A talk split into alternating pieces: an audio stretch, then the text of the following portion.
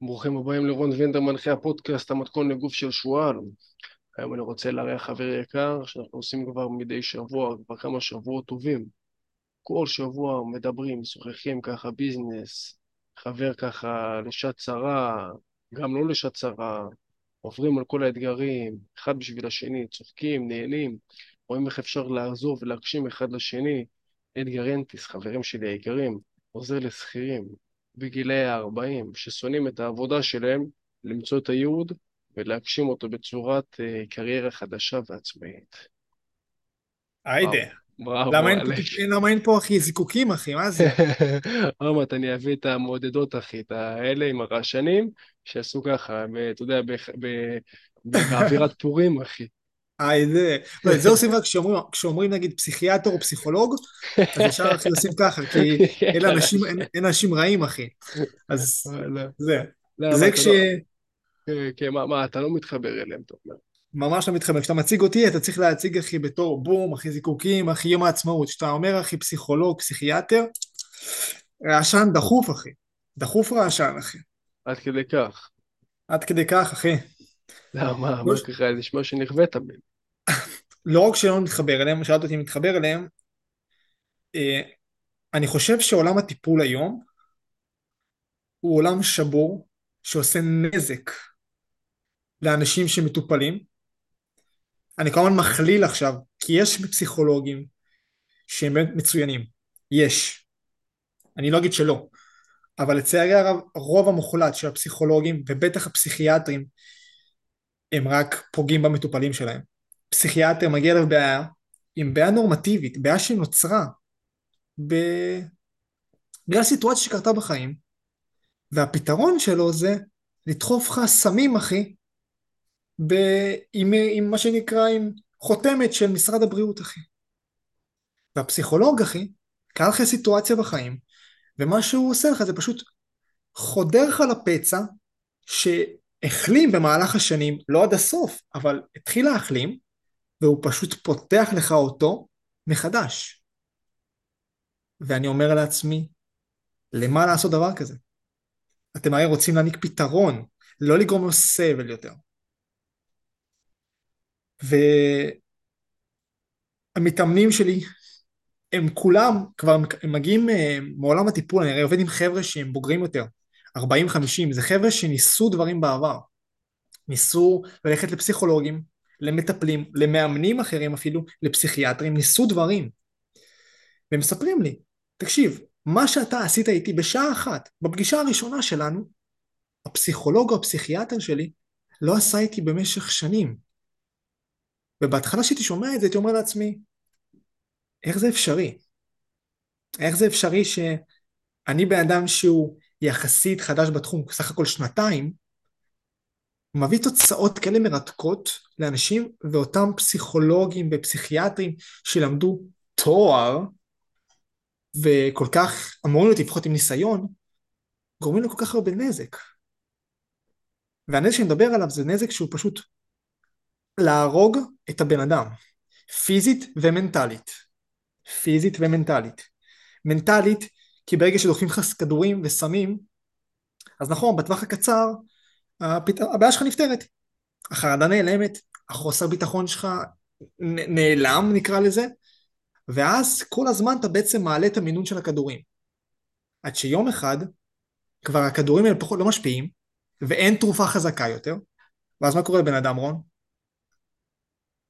הוא פשוט, זהו, הוא, הוא קורס. הרי התרופה שכל כך הייתי תלוי בה, נלקחת ממני, הבן אדם מרגיש שהעולם שלו פשוט קורס. ומצב כזה, פה נכנס העולם הפיזי. אנשים מתחילים לחוות קשיים פיזית, מתחילים כאבים חזקים, עד לרמה שבסוף אנשים הולכים לבית טיפול נפש, בית חולים לנפש, ומאשפזים אותם, ולבסוף מתחיל, המצב מתחיל להיווצר עוד יותר חמור. הנזק הגופני רק מחמיר, עד שהם מתחילים להיות מאושפזים באופן קבוע, מונשמים, מורדמים, עד שהם פשוט, לצערי הרב, מתים. את הדברים שאני אומר פה, אני לא אומר אה, כ... לא יודע, ספקולציה או דמיון שלי. זה דברים שמתאמנים שלי מספרים לי פה. שחברה שלהם הלכה לפסיכיאטר שהציע לה כדורים ספציפיים והיא דווקא בחרה בדרך שהיא אחרת, שונה ממה שמקובל, ובאה אליי אותו מצב, שניהם חוו את אותו דיכאון, את אותו חוסר משמעות אחרי הגירושין. רק אחת בחרה את הפסיכיאטר, ואחת בחרה במאמן. היום, בחורה שהגיעה מלקוחה שלי, מתאמנת שלי, במקום מדהים בחיים שלה, מדהים. היא מאושרת, היא שמחה. היא לא מתלוננת על החיים שלה, היא לוקחת אחריות, התוצאות שלה, היא כותבת את הספר, היא כותבת ספר על הסיפור חיים שלה. היא פשוט מגשימה את עצמה. אתה יודע מה קרה לחברה שלה? ואני אומר את זה מקרב, באמת מכאב לב. אתה יודע מה קרה לה, אחי? מתה שלא נדע. היא עוד לא מתה, לוואי ותחיה באמת חיים ארוכים, אבל חברה שלה מאושפזת, ובמצב של קריסת מערכות בגוף, אה, מונשמת, והרופאים, בוא נגיד ככה, לא אופטימיים. בחורה בת 50, צעירה. מה זה 50 היום, אחי? צעירה. הם באותו גיל. שניהם חוו את אותו משבר, את אותו קושי. רק אחת בחרה בדרך שהיא מקובלת בעולם הטיפול, הלכה לאותו פסיכיאטר שהביא לה את הסמים האלה, שריסקו אותה, ואחת בחרה ללכת לאיזה מנטור, איזה מאמן שהיא ראתה בפייסבוק, עם איזה סרטון שאיזה החיוך היפה שלו והגדול שלו קנה אותה, הגיע לפה, ופום. וכן אחי, רואים איך אני מדבר מכאב אחי, וזה רק סיפור אחד. סיפור אחד מכל כך הרבה סיפורים שאני לא רוצה לדבר עליהם פה, כי פשוט הם סתם יכניסו אותי עכשיו ואותך אפילו למצב של כעס ואפילו קצת עצב. למה כל כך אכפת לך מאנשים בני 40, אחי? אתה בן אדם צעיר, 20 וגם 4, 5. אכפת לי מהצעירים גם, אכפת לי מכולם.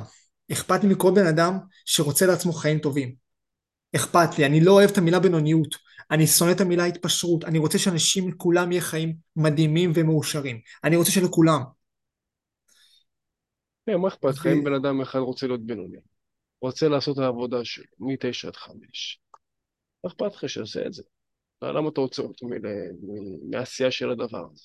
תראה, אם הוא בוחר את זה, ובאמת הוא מאושר מזה, אני איתו. אתה מאושר מזה, לך על זה. אבל אם חסר בך ספק אחד, אחוז אחד של אושר ממה שאתה עושה בחיים, אתה חייב לשפר את זה. אין מצב שאתה, או אני, וכל אחד מהאנשים בעולם, ש... אנחנו הזירונים האלה שנלחמו בכל כך הרבה זרעים, ניצחנו, הגענו לביצית, בסוף גם תשעה חודשים איכשהו התפתחנו לבן אדם בריא, ולבסוף אתה נולד, חי במשך כל כך הרבה שנים, ובסוף מתפשר על החיים שלך? אין מצב, אחי. בוא, איך? בוא תגדיר רגע התפשרות, מה, מה זה אומר התפשרות? התפשרות מבחינתי, אם אני אלך לצור, לפירוט היותר פירוטי נקרא לזה, אני אפרט ממש, זה אחד, לעבוד בעבודה, שאתה שונא ואפילו לא אוהב. אם אתה לא הולך לעבודה שלך, ואתה מתרגש ללכת לעבודה שלך, זאת לא העבודה שלך, זה לא המקצוע שלך. אם אתה הולך לעבודה שלך, ואתה לא מרגיש שהעבודה מוציאה ממך את האנרגיות, את החוזקות שלך, אתה מתפשר. אם אתה הולך לעבודה הזאת, והעבודה הזאת לא עוזרת לך להגשים את שאר המטרות והחלומות שלך, אתה מתפשר. אתה מתפשר. אם אתה הולך ונפגש עם בת זוג, עם בחורה, שהיא לא הטעם שלך, אתה מתפשר. אם את הולכת וניגשת עם בחור שהוא לא הטעם שלך, למה? כי אין לך הרבה אופציות, את מתפשרת. אחי, אם אתה מסתובב עם אנשים שרק פוגעים בך ולא מקדמים אותך, רק מורידים אותך, אתה מתפשר. בדיוק, מחדד לי איזה סיפור. סיפרתי לחבר היום, אה, ככה, אתה יודע, מדי פעם אני עונה, מי שמכיר אותי, אני עונה פעם אחת ביום כזה, עושה סריקה לכל החבר'ה, ככה, עושה סריקה ועונה להם, ואחד החברים שם, לא יודע איכשהו הגענו לדבר על זה, שאני הייתי באוניברסיטה, אני הייתי לבד לגמרי. הרגשתי שאנשים מקנאים בי. על זה שיש לי עסק וכביכול אני יועד תזונה, שכל החבר'ה שם באים ללמוד תזונאי. אפילו גם המרצים התחילו, התחילו להסתלבט עליי. הייתה איזה אחת מרצה אחת, פעם אחת אני זוכר שככה הרמתי את היד וזה, אז היא אומרת לקהל, לכיתה, יא וואלה, הנה תראו מי התזונאי התעורר. אתה מבין? ככה, מול כולם. עכשיו, אתה יודע, אני לא, לא סופר אותם ממטר, כן? הכל בסדר. גם עניתי ודברים כאלה, לא, לא שהעלבתי אותם. אבל אני גם, אני חוויתי שם גם בגידות מחברים שחשבתי שהם חברים, בגידות שם, כל מיני סיבובי סכינים ככה מאחורי הגב. אז אני גם בגישה ש... אפרופו, זה מחבר אותי למה שאתה אמרת. עדיף להיות לבד, מאשר להיות עם סביבה שהם חבר'ה שהם אה, רוצים ברעתך או שמקנאים בך. לגמרי. לגמרי, אחי. בוא נבין משהו לגבי לבד. לבד זה דבר מדהים.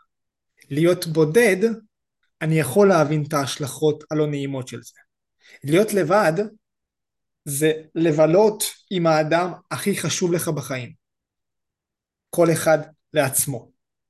כל אחד לעצמו, זוגיות עם עצמך.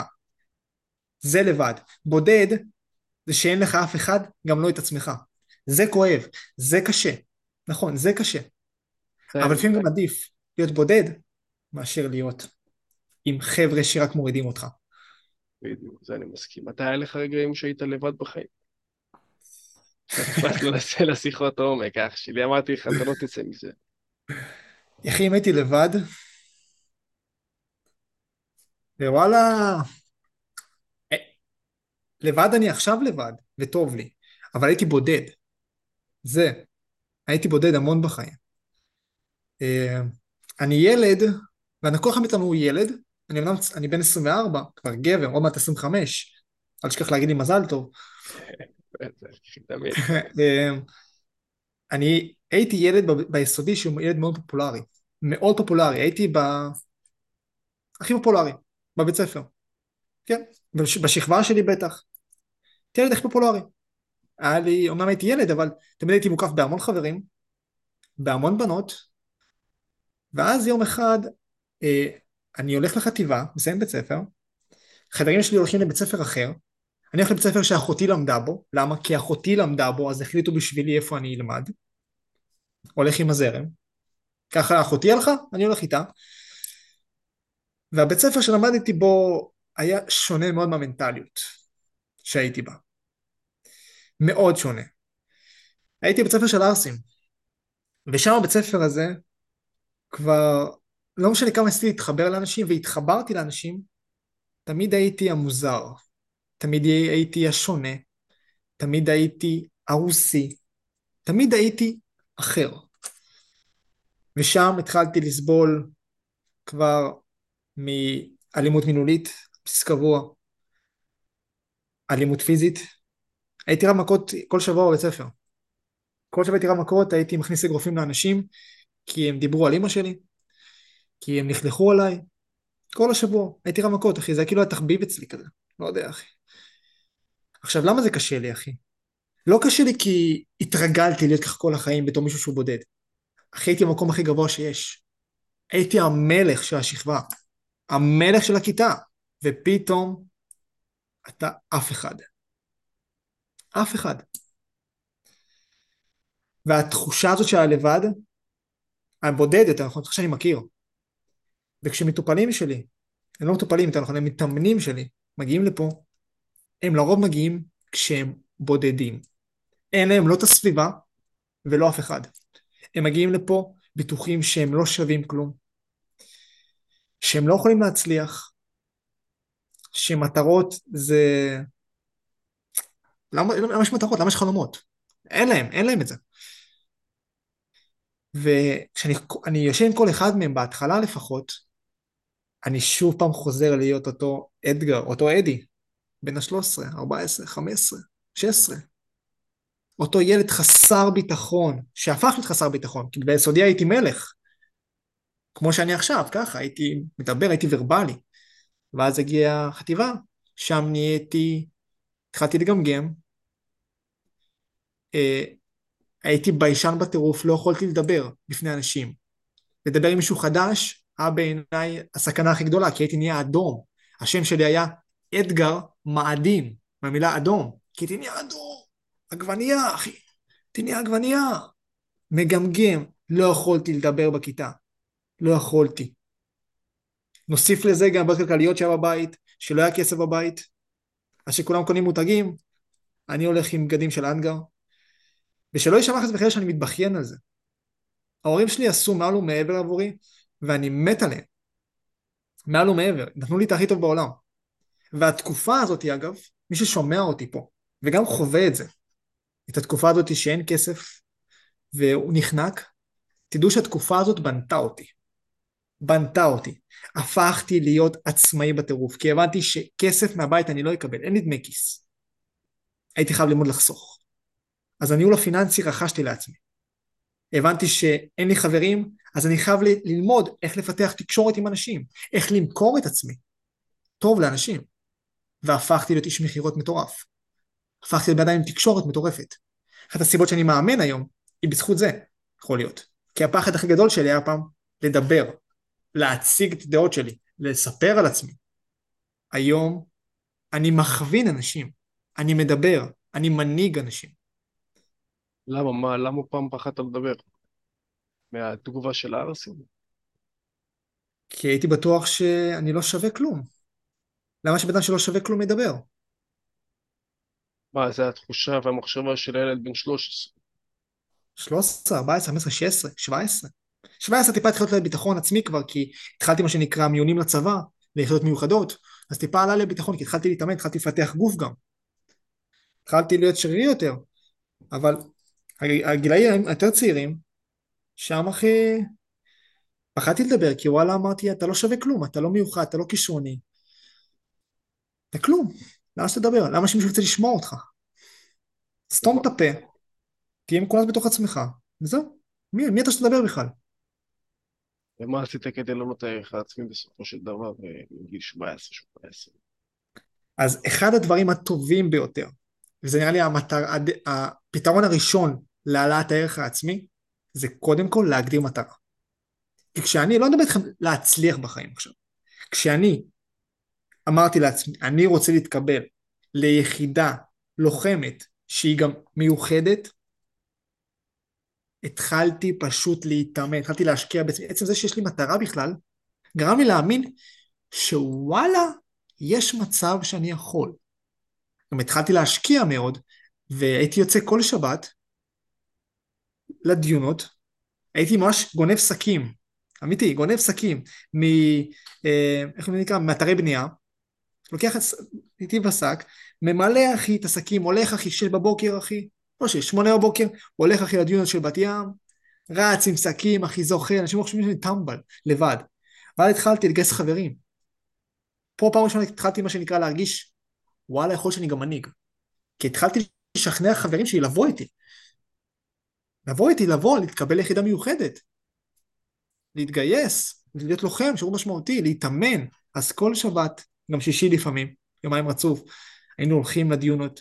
הייתי, הייתי ממש מנהיג, הייתי אומר להם כזה, אני המגבש חבר'ה, עכשיו אנחנו, אמיתי, לא צוחק, אתה יכול, הלוואי שהם אה, יעידו פה, הם יכתבו בתגובות, אה, יעידו, הייתי אומר להם אני המגבש, וחבר'ה עכשיו אנחנו בעצם, התרגיל שאנחנו עושים, זה בעצם כל אחד שק, שק על, על הגב, ומתחילים סיבובים, כמה שיותר.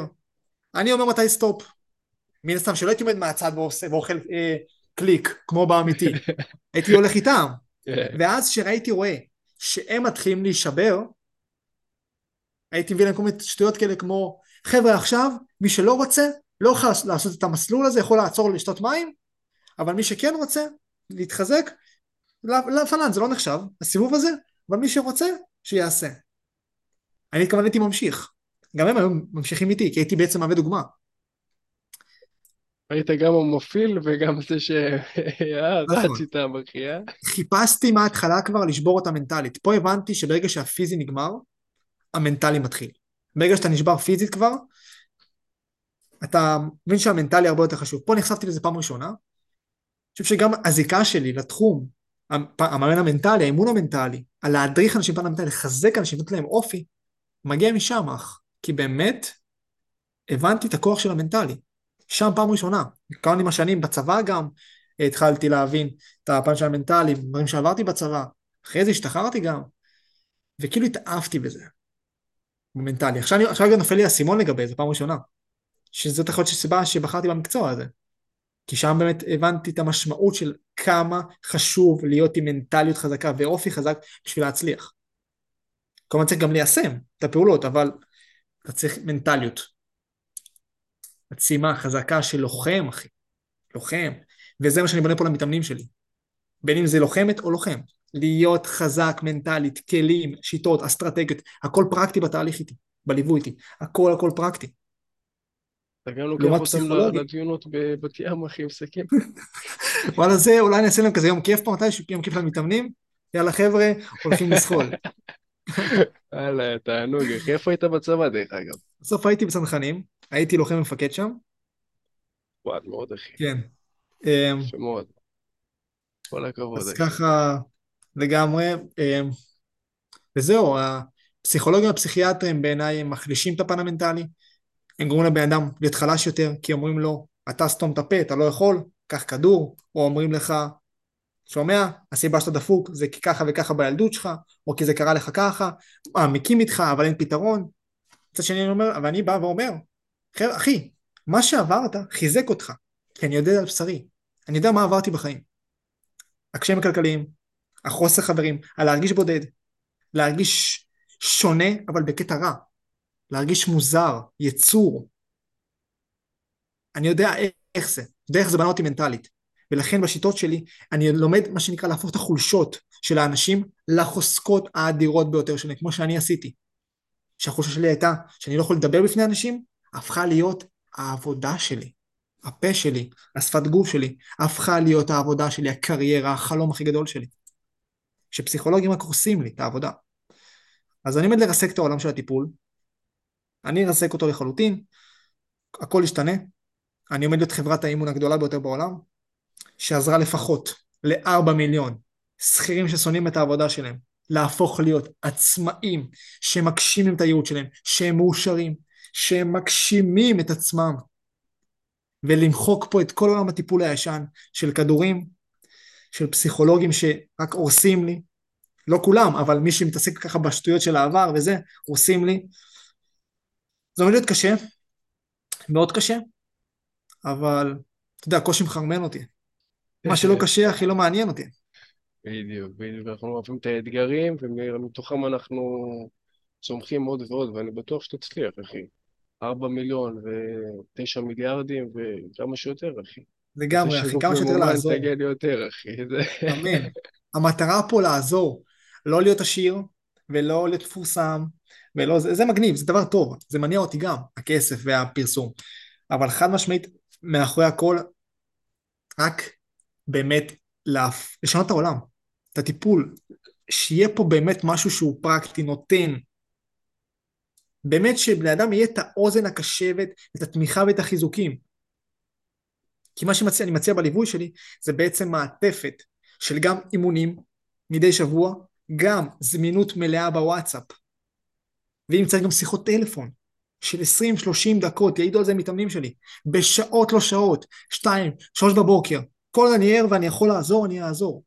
מצד שני הפסיכולוגים והפסיכיאטרים אומרים לך, אתה רוצה לבוא לשמוע, אתה רוצה ממני עזרה, זרוק לי עוד שטרות בכיס, שזה לא דבר רע אגב לבקש כסף, תבוא לפגישה, קבע איתי פגישה עוד שבועיים. אבל אם אני צריך אותך עכשיו, אמצע הלילה, אני צריך אותך עכשיו, מי עוזר לי? אני מציע את זה. את המעטפת. כל הכבוד אחי. אם רוצים באמת אה, ליצור איתך קשר, איפה אפשר להשיג אותך? בשביל ליצור איתי קשר, יש לי פייסבוק, אינסטגרם, רון אפילו ישים פה אחרי זה קישור פה, אתה תשים פה, אדי אנטיס. גם תרשמו בפייסבוק, אדי אנטיס זה בעצם א', ד', י', רווח, א', נ', ט', י', ס', אדי אנטיס. תוכלו למצוא אותי באינסטגרם, בפייסבוק, יש לי גם טיק טוק, אה, יוטיוב אפילו. אני מעלה אפילו תכנים בוואטסאפ, יש לך את המספר שלי. עוד מעט גם נתחיל בעצם לשלוח גם מיילים מיוחדים לאנשים עם הרבה ערך ותוכן שיחזקו להם את הפן המנטלי, את האופי שלהם. אה, אז רון ישים פה קישור, אז כל מי שבאמת רוצה, מבין שוואלה נמאס לו להתפשר, שמגיע לו הרבה יותר, מגיע לו להיות בן אדם עם ביטחון עצמי, חסר לו ביטחון. והחוסר ביטחון הזה מתבטא בצורת חרדות, פחדים, דיכאון, חוסר משמעות בחיים. הליכה אחרי העדר, מבלי להבין למה אני הולך אחרי העדר. פסיכולוג פסיכיאטר לצערי לא יכול לעזור לכם, אלא מאמן כמוני, עצרו איתי קשר ואני מבטיח לעזור לכם, ואפילו תזכו בהטבה מיוחדת, שאנשים אחרים לא יציעו לכם. אז מי שרוצה שישלח לי הודעה, אה, מבטיח שאתם תעופו באוויר. אבל אני יכול להעיד שאני גם איתו כל שבוע מדברים, אה, עניין של ביזנס, גם מנטלי, מאוד מאוד מחזק, עוזר, אוזן קשבת, זה ללא ספק לומדים כל פעם משהו חדש, ובאמת אני מבסוט שאתה ככה אנחנו מיישמים את זה ועושים את זה מדי שבוע, באמת זה מאוד מאוד עוזר, אחי. לגמרי, אחי, אני מודה לך על זה, אחי. זה איזה שיש פשוט לדבר עם מישהו. אתה, אנחנו עושים אימון בעצם. אתה מעביר לי אימון, אני עושה לך אימון, שנינו מאמנים. כל אחד בפן בפיזיו-מנטלי, אבל גם אתה עושה מנטלי מן הסתם. טוב. האימון הזה, וואו, איזה אפקטים מטורפים יש לו. מטורפים. או אני, עכשיו אנחנו נעשה גם איזה סוויץ' כזה קטן לפן הפיזי וה, לגמרי. והכוח אצלי, אצלי בביזנס, שאני עוזר באמת ללוחמים כרגע, לעלות, אה, לעלות בהיקף יד חמישה סנטימטר, ולהגדיל אה, את ההיקף יד בחמישה סנטימטר ולדחוק מעל 85 בנץ'. עכשיו, מדהים, הפן, כן. הפן המנטלי אצלנו, אחי, זה כל פעם, זה... הרי השאיפה זה כל פעם להגיע לסט שהוא בדרגת סובייקטיביות, בדרגת מאמץ. בוא נגיד אם אחד זה הכי קל ועשר זה הכי כבד והכי מאתגר, רוצים תמיד להיות בין השבע לעשר. פייר זה לא כיף. כשאתה מגיע לשבע עד עשר זה כבר, אתה מתחיל, אה, היד מתחילה להתעייף, או השריר שאתה עובד עליו כבר הוא לא, וואלה, הוא בוגד בך, אתה מרגיש כזה, כאילו היד, היד אה, באה ונתלשת מהמקום, זה לא כיף, אבל שם המנטלי מתחיל לשחק. לגמרי, אחי. לגמרי. תגיד, איך הגעת לתחום הזה? וואלה, אני את האמת הרבה מאוד זמן, אני מתאמן כבר מהצבא, זה גם, זה, ראיתי שם כל מיני חבר'ה מתאמנים, אמרתי יאללה בוא גם נתאמן, ותמיד גם סבלתי. אתה יודע, אני בן כמה אתה היום? אתה מהצבא ככה? בן 27, אחי. אני יודע בן כמה אתה, אבל אני שואל פה בשביל שהקהל פה ידע. אה, כן, כן. אתה בעצם, כמה ניסיון יש לך בתחום? כן, אני בן אה, 27, אני מהצבא כבר אה, גיל 21, זאת אומרת, שש שנים, אה, עדיין, הביזנס פתחתי לפני באזור 22-23, כל פעם אני מתחדש, גם האימונים, גם אני עכשיו בקורס של מאמני כושר, אני יודע מה עובד טוב יותר, מה עובד פחות טוב, תמיד תמיד מת, אה, מתעדכן במדע, ב... מדהים, עם, אחד החוקרים, אה, שונפלד, אחד החוקרים החזקים מאוד, שגם של היפרטרופיה, יש יותר ידע ויותר מידע על מה לעשות יותר, מה לעשות פחות, ואני חושב שפשוט זה החובה שלנו בתור אנשים, להיות אה, פיזיים, להיות גדולים, להיות עם נוכחות גברית. מדהים, אחי.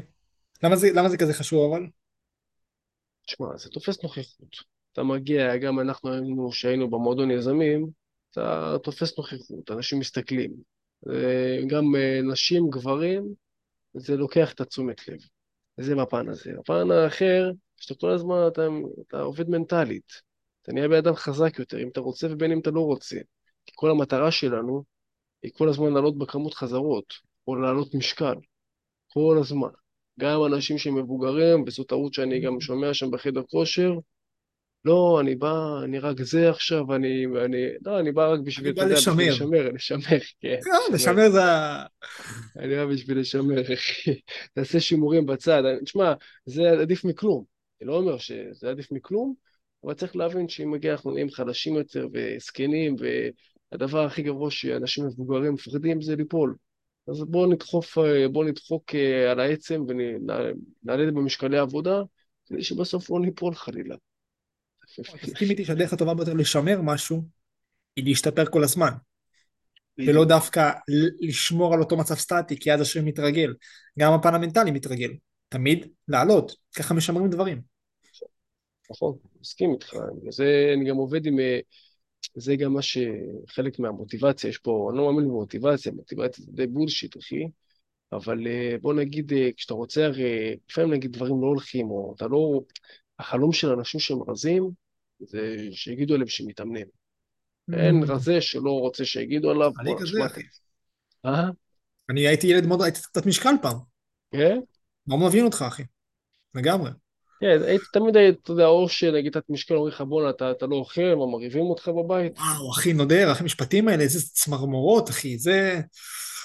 מה, אתה לא, לא מכין אותך בבית? בוא, בוא אליי תאכל, אחי, זה מילים, וואו, אחי.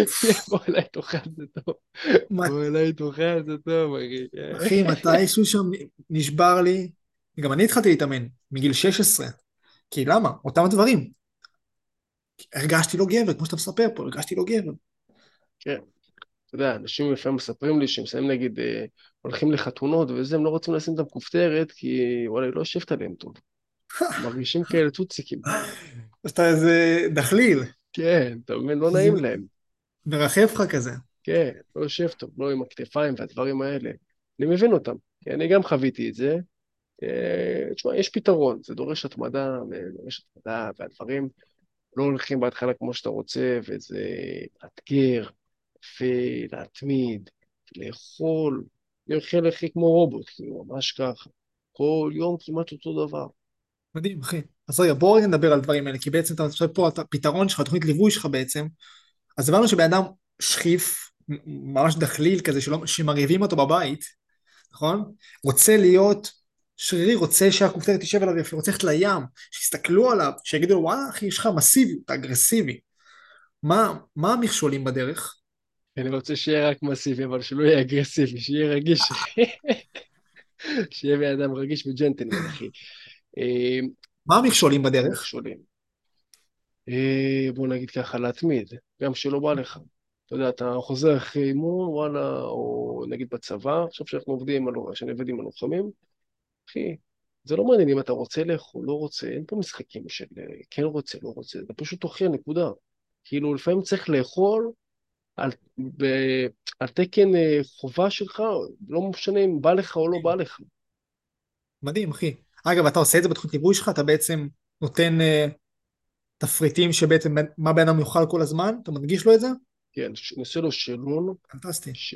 כן, שאני בודק מה הוא אוהב מבחינת מאכלים, איזה מאכלים יותר אוהב, פחות אוהב, ואני משתדל להתאים לו בהתאם לארוחות שיש לו. נגיד בצבא זה ארוחות שהן שלוש פעמים ארוחות די קבועות, ואני פשוט אומר לו מה לשים, אולי להביא נגיד תוספות מהבית, אם זה להביא חימת בוטנים, אם זה. בטחינה לקחת, אה, לקנות אולי אבקת חלבון מהשקם, להביא טונה, תוספים כאלה, האם לאכול טיפה יותר בפריסה, ככה לאכול אולי קצת אה, עם חימת בוטנים, אולי איזה ריבה, אתה מבין? כאילו כל מיני תוספות כאלה, כי בסופו של דבר זה עבודה לכל דבר.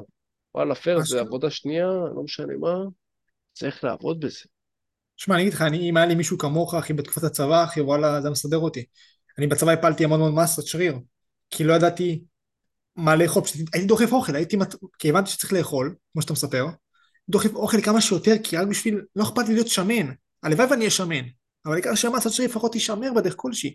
כשאתה בעצם אומר שאתה מביא לך פה בעצם תפריט מסודר, אחי, מה, אחי, מטורף. כן, אבל מה שכן, אמרת גם מכשול. אחד האתגרים הקשים לחבר'ה זה להתמיד עם זה לאורך זמן. אז זה כך באמת אתגר, אם לוחם שומע אותי, קח לעצמך שבועיים לאכול הרבה מאוד במהלך השבועיים האלה. מה זה הרבה מאוד? בוא נגיד לאכול מה שאתה אוכל עכשיו, כנראה שזה לא מספיק את הרזה. אם אתה עושה את אותן פעולות, כנראה שאתה מקבל כרגע את אותן תוצאות, מה שיש לך. אז פשוט תאכל, נגיד, סתם דוגמא, אתה בא ואוכל אה, ארבע כפות אה, פסטה, תעלה את זה לשש, ונגיד ביצים, אתה אוכל נגיד אחד, תעלה את זה לשתיים, כל, כל משהו, פשוט תכפיל את זה בשתיים, מדהים, ותתמיד עם זה לאורך שבועיים. יפה. לא, שבועיים אותו דבר, בין אם זה גם לחזור הביתה. כי רוב האנשים אומרים, תשמע, אני אוכל הרבה, אני דופק שווארמות, אני בא, ואפילו אני אוכל ג'אנקים וחרטות ודברים, אבל מה, אני לא עולה. אז אני אומר להם דבר כזה, תגיד, אתה אוכל את זה במש, במשך כל השבוע? כי זה גם משחק של שבועי, לא רק יומי. פה אנשים חשוב. אומרים, אה, בואנה, כל השבוע, למה לא אמרת? נכון. בואנה, פעם אכלתי פה שווארמה. פה זה, אבל אחרי זה כאילו, יש כאלה שלא אוכלים חצי יום. בדיוק, אתה מבין? סיפור. כל יום צריך לאכול הרבה. מדהים, אחי, אז גם שמתי לב שאנחנו מדברים פה בעיקר על התזונה ולא על אימונים דווקא. כאילו, משהו שנראה לי זה טעות שהרבה מתאמנים, שגם אני הייתי עושה את בעבר, הייתי בטוח שאם אני אתאמן הרבה, אז יהיה לי שרירים, מאשר אם אני אוכל הרבה ואתאמן בצורה, בכמות הנכונה. נכון. בוא נדבר רגע על זה, על הטעות הזאתי. אה, הפרטו של התחום זה תזונה ואימון, אה, תזונה ושינה, סליחה. זה הפרטו של התחום. שינה, משהו חדש אגב. אה. לא, על, על האוכל שמעתי, תאכל כמו חזיר כשתהיה ילד. יותר. אבל שינה? וואלה, על זה אף אחד לא דיבר איתי. אז בואו רגע נדבר על ה... גם, התזונה אמרת פה בעצם. מה, מה, מה תראה בתזונה? מה צריך לאכול, אחי? באמת, בשביל להיות במסה? אם אתה בצבא, אנחנו נרצה להכניס, אה, בוא נגיד, אה, פחמימה, ש... בוא נלך ככה מהבוקר עד הערב כזה בבריף. בוקר הרי בדרך כלל מביאים שם ביצים, סקי, אה, טיפה לחמים, אז פשוט תאכל יותר חלבון. אם זה שתי ביצים, תעמיד שתי, שתי ביצים קשות, חביתה, לא משנה מה שמביאים לך. סקי, תקח את כל המעדן סקי. אה, לחם, יש לחם לבן, אז תיקח את הלחם לבן. אם יש לחם מקמח מלא, למרות שלא נראה לי, אז תיקח את המקמח מלא, כי זה עדיף, כי יש שם יותר ויטמינים ומינרלים.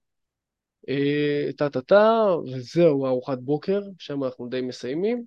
אחרי זה יש פריסה, תמיד בפריסה תיקח איזה לפחות איזה שתי פרוסות, תביא חמת בוטנים מהבית של חברת B&D ופשוט תמרח. שתי פרוסות, תעשה לעצמך שתי פרוסות, זאת אומרת ארבע פרוסות, כאילו פרוסה על פרוסה זה אה, חתיכה אחת, כפול שתיים, תאכל את זה, נגמר, ממשיכים הלאה לארוחת צהריים, במקום ארבע כפות, תמיד תמדוד את זה לפי כפות, נגיד ארבע כפות די שטוחות, תעלה את זה לשש כפות, תשים את זה, תכסין לעצמך קצת סלט וחלבון, בדרך כלל גם בצנחנים ובכל החילות, מנת בשר אחת, אחי. עדיין זה ככה בצבא, אין מה לעשות. אני גם אמרתי להם, חבר'ה, תקשיבו, תתחילו ליצור קשרים, אל תהיו פלברות ונמושות. תתחילו, אתה יודע, להתערבב קצת עם אנשים, טבחים, כאלה.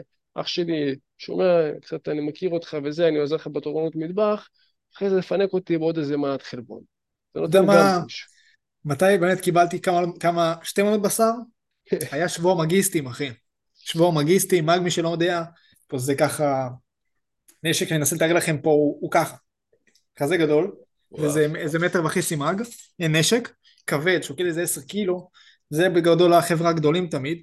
בשבוע מגיסטים, בא פה, המפקד, מי שאחראי על ההכשרה של המגיסטים, אמר, אתם, כל מי שמגיסט, בחובה, אוכל שתיים, שלוש מנות בשר.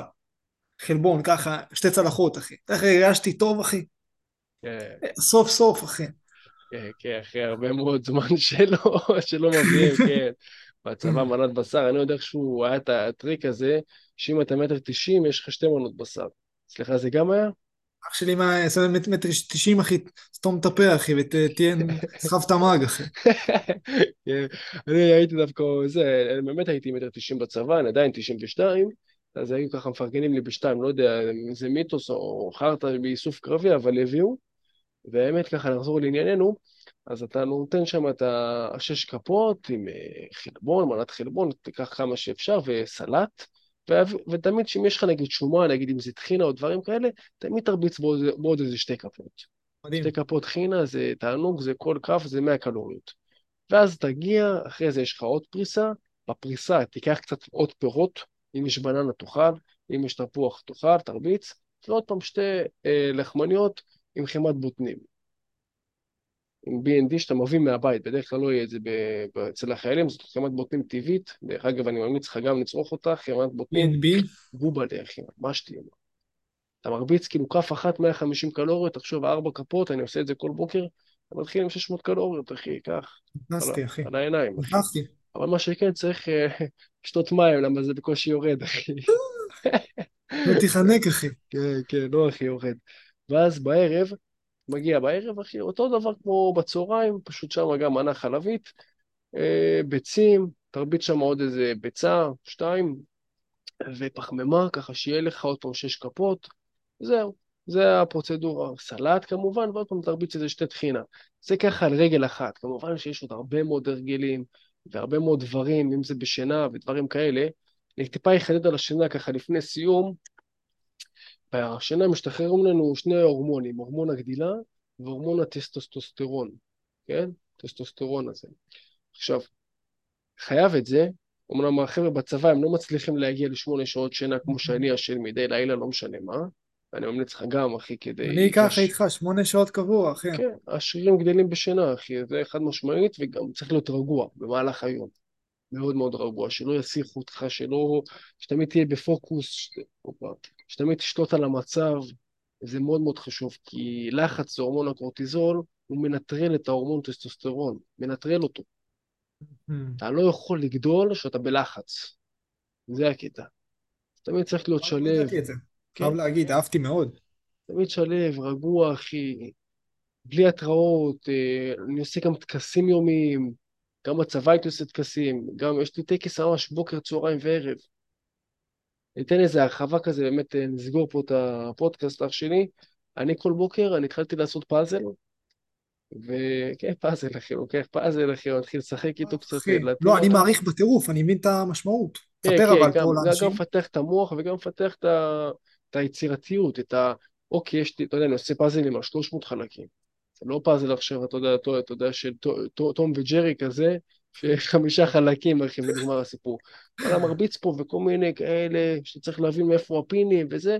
אומנם אני לא משקיע בזה הרבה, זה, זה שורף את הזמן, כאילו, זה, אני אומר לך, אני עושה את זה, אתה יכול להיות בזה שבוע שעות, אני מרביץ על זה חמש דקות, ותמיד שחמט על הבוקר.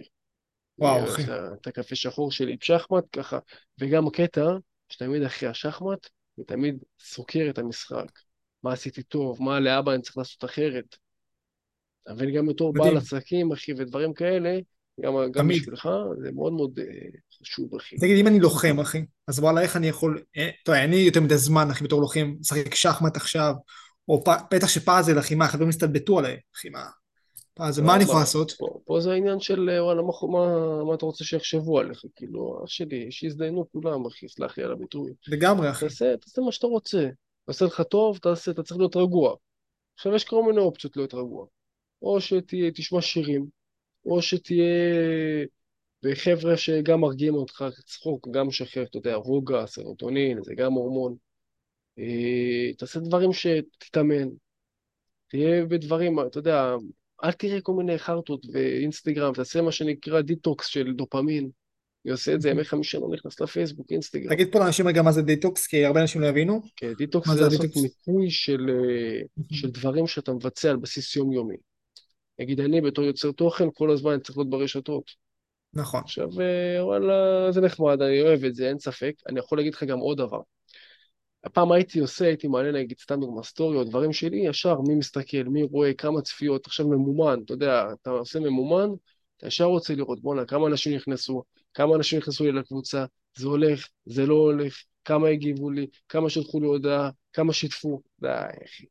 הייתי עושה, מסתכל על זה כל הזמן, כל רגע, אחי, זה מנהל אותי. וברגע שאתה, היצרים מנהלים אותך, אתה בן אדם גמור, אחי. לגמרי, אחי. אז שמתי לעצמי פשוט נקודות במהלך היום, מ-10 עד 10 ורבע כל יום, או רבע שעה, לקחתי את זה מעומרי, זה נקרא זמן דאגה יומי, תסתכל, אני פשוט שם את זה בצורה שהיא מרוכזת, לא, שזה לא ינהל אותי. מדהים, אחי. וואלה, אני, אני חייב ליישם את זה. זה מאוד מאוד חשוב. מאוד מאוד חשוב. כן, אנשים פשוט שורף, שאין להם זמן, אין לי זמן, אחי. כן, אין לי זמן להתאמן, או אין לי זמן ללכת למאמן, או אין לי זמן ללמוד או להשקיע בעצמי. אז חבר'ה, אתם שורפים כמה שעות ביום, איזה 4, 5 שעות, 6, 8 שעות, 12 שעות על הטלפון. הלוחמים, זה מה שהם עושים. הם שורפים את הזמן בטלפון. וואלה, הנה, יש לכם זמן, יש לכם זמן. תחסכו זמן מהרשת החברתית, שהיא יכולה להיות מצוינת, אבל לרוב היא גם פשוט חסרת טעם, ובאמת תלמדו, לכו באמת תלמדו על איך לשפר את התזונה שלכם, תראו סרטונים של רון, תראו סרטונים שלי, סרטונים מדהימים, עם המון ערך, דברים ששווים המון כסף, והם בחינם. בחינם. נכון, אחי, רק שיראו. אני יכול להגיד לך ככה, האמת, ככה, משפט לסיום, ואני באמת אסכם, אחי. אני באופן כללי, אני לא, לא מסתכל סטורים, זה לא מעניין אותי. אני מכניס רק את התוכן שלי ואני יוצא משם. אני באמת, כאילו, עכשיו אני גם ביום הזה שאני בלי הרשתות, בלי כלום, אתה בן אדם שלב יותר, אחי. איך שלא תהפוך את זה. אתה בן אדם מאוד מאוד רגוע, וברגע שאתה רגוע, אז אתה נהנה יותר מהחיים. אתה מתענג בדברים הכיפים באמת, נכון. לא להיות במרוץ הזה, לצאת רגע, אתה יודע, להיות, של, להיות שלב יותר, ממש ככה. אני איתך, אחי, אני איתך בזה. וואלה, שאלה לסיום, אח יקר. איך אפשר למצוא אותך? איך אפשר להגיע אליך? חוץ מהפודקאסט שלך שלך, אבל הקהל יד שלי עכשיו צופה בך גם. חברים, המתאמנים שלי, אנשים שעוקבים אחריי, איך, מגיעים אליך? בעבר. בעיקרון יש לי אינסטגרם, פייסבוק, טיק טוק, יוטיוב, כל דברים, אפילו לינקדאין יש לי, כאילו ברמה כזאת, ממש הכל, הכל, רון וינדר, אתה רושם איפה שאתה רוצה, ויש אה, יש, uh, תוכן שלי וערך. מה שכן, אבל אני משחרר הדרכה אחת, ששם אני מלמד איך uh, בונים תפריט בצורה שהיא טובה, איך עושים, באיזה אתר, אתר שהוא פרפקט, כאילו אני מאוד, אני אישית עובד איתו, והתוצאות של המתאמנים הן מדברות בעד עצמן, פשוט לעשות את זה. מה שאני אומר לעשות, הדרכה של 16 דקות כרגע, פנטסטי. ממש מעולה, נשים כאן קישור אה, בלמטה בתוכן, בפודקאסט, בכיף זה שיהיה לאנשים, אחי. אני שמחתי... גם הזכרת לי, אחי, שגם לי יש את ה, בעצם גם את הקורס שאני יצרתי, קורס שהמטרה שלו להעניק לכם את הביטחון העצמי, לחזק אתכם מנטלית, קורס לגמרי בחינם, קורס שהשקעתי בו המון, ממש עם לוח, אני עומד שם, נותן לכם את, הדורה, את הקורס הכי פרקטי בעולם, באמת איך לעשות את הצעד הזה שמפחיד אתכם בדרך לקריירה העצמאית שלכם, הביטחון העצמי, איך לחזק אותו שם. קורס של 34 דקות, שתי סרטונים מדהימים, מושקעים, פרקטיים, אה, לגמרי, אז וואלה, הוא גם נמצא בקישור שלי בביו, גם רון אה, ישים אותו פה. קיצר שלכם פה שפע, חבר'ה, שפע, רק תיקחו, רק אתם רוצים בחינם, לא רוצים מה שנקרא, לא יודע, להשקיע כסף בעצמכם, לא לבוא לאדי או לרון, קחו את ההדרכות, קחו את הקורסים. רוצים משהו מעבר, באמת, להשיג תוצאות אמיתיות עם מחויבות, לכו לרון, בואו אליי, בואו אלינו. שום דבר, גם אם אתם עושים את זה בחינם, שום דבר לא יקרה בלי היישום. נכון. זה העניין. תודה רבה, אדגר, אח שלי היקר, שמחתי באמת אה, לדבר, אנחנו ניפגש מחר בדייט השבועי. היי אח יקר, מחר הדייט השבועי שלי ושלך, אחי. כן. תכין את היין, את האמבטיות, את הוורדים. כן, בכיף, אני אביא גם עם ריח, שיהיה ריח אורומטי כזה טוב. אה, יפה, אחי. תביא קוקוס, אחי, אני אוהב קוקוס. נפתח עליך קוקוס. אחי יקר אתה. יאללה, אחי, תודה רבה, שיהיה לילה טוב, להתראות, חבר'ה. תודה רבה לך, אחי יקר. ביי ביי.